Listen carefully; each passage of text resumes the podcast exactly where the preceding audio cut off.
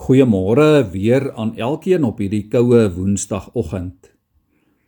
'n Groot klomp mense, lees ons in Johannes 6 vers 2, het agter Jesus aangekom omdat hulle die wondertekens gesien het wat hy aan die siekes gedoen het. Liewe vriende, 'n mens sien en hoor baie keer hoe dat mense groot moeite en koste sal aangaan om by 'n bepaalde kerk of 'n byeenkoms of by 'n prediker uit te kom omdat daar oënskynlik allerlei wonderwerke plaasvind. Mense staan dalk op uit hulle rolstoele, finansiële probleme verdwyn, besighede word gered, kanker en vele ander siektes word genees.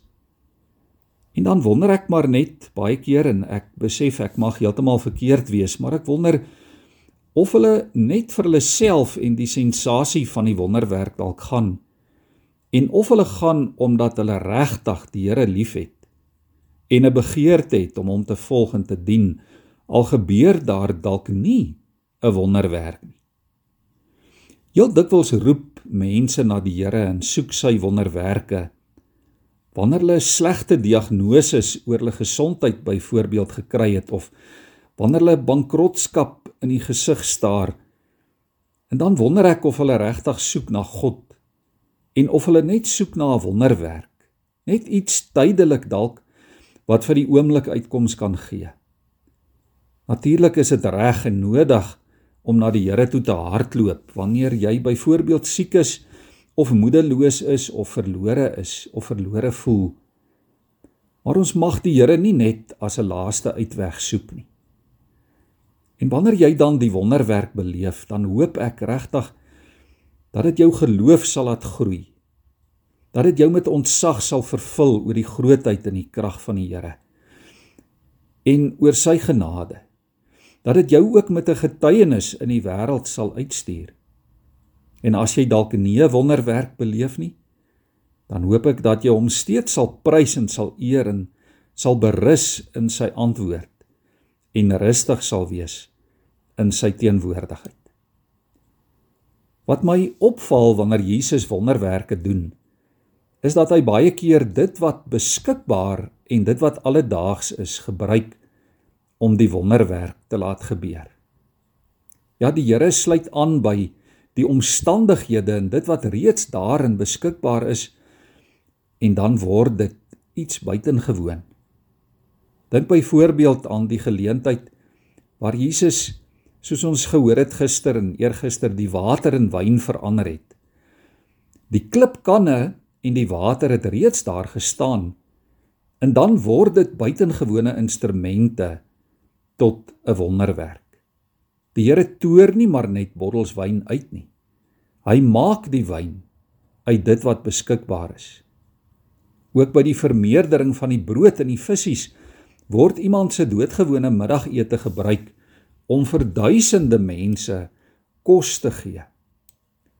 Kos was nodig. En Jesus voorsien uit die min wat beskikbaar is sodat almal genoeg het en sodat daar ook nog oorbly. Die mense se honger verdwyn nie sommer maar net skielik nie. Die Here maak kos om hulle te voed. Toe Jesus die blinde man per geleentheid aanraak, gebruik hy 'n mengsel van grond en spoeg en hy smeer dit aan sy oë. Jesus buig af en hy vat die grond wat alreeds daar onder by sy voete is en in sy hande word dit 'n geneesmiddel. Jesus sê nie net vir die man word gesond nie. Hy maak gesond. En so gebruik die Here ook dikwels gewone medisyne. Hy gebruik dokters. Hy gebruik operasies om genesingswonders te doen waarvan baie van ons kan getuig ook in ons eie persoonlike lewe vandag. En onthou dat die Here die eer moet kry. Nie die dokter nie. Nie die medisyne nie. Moenie miskyk dat die Here dit wat jy alreeds het of dit wat sommer net iets alledaags in jou eie leefwêreld is. Ja, dat die Here dit kan gebruik om wonderwerke in jou lewe te doen nie. Verwag ook dat die Here dit sal doen sien raak dat hy betrokke is en dat dit nie sommer net iets toevallig is wat met jou gebeur nie. Kom ons buig ons hoofde in gebed voor die Here. Here vanmôre weet ons as u kinders dat ons deel is van hierdie aarde. Here ons is deel van u skepping. Ons is deel van die grond. U woord sê ook ons is stof. Here dankie dat u ook die stof van hierdie aarde van die skepping gebruik, die middele tot u beskikking om in ons lewens wonderwerke te doen. Here, dankie dat u kinders vir u so spesiaal is. Here, dat u ook gebruik dit wat deel is van ons alledaagse lewe. Dit wat vir ons dalk so onopvallend is. Dit waaraan ons dalk al gewoond geraak het. Dit wat ons as minder belangrik ag of dink, ag, dit is maar sommer net daar. Dalk sien ons dit nie meer raak nie. Here, U kan dit gebruik. Ja, U kan ook die kromstokke gebruik en in ons lewens reguit lyne trek. Here, ons gebed is dat U dit sal doen. Maar nie ter wille van ons eer of ons aansien nie, Here, maar ter wille van die eer van U heilige naam. Kom, Here, en doen dit vandag in Jesus se naam. Amen.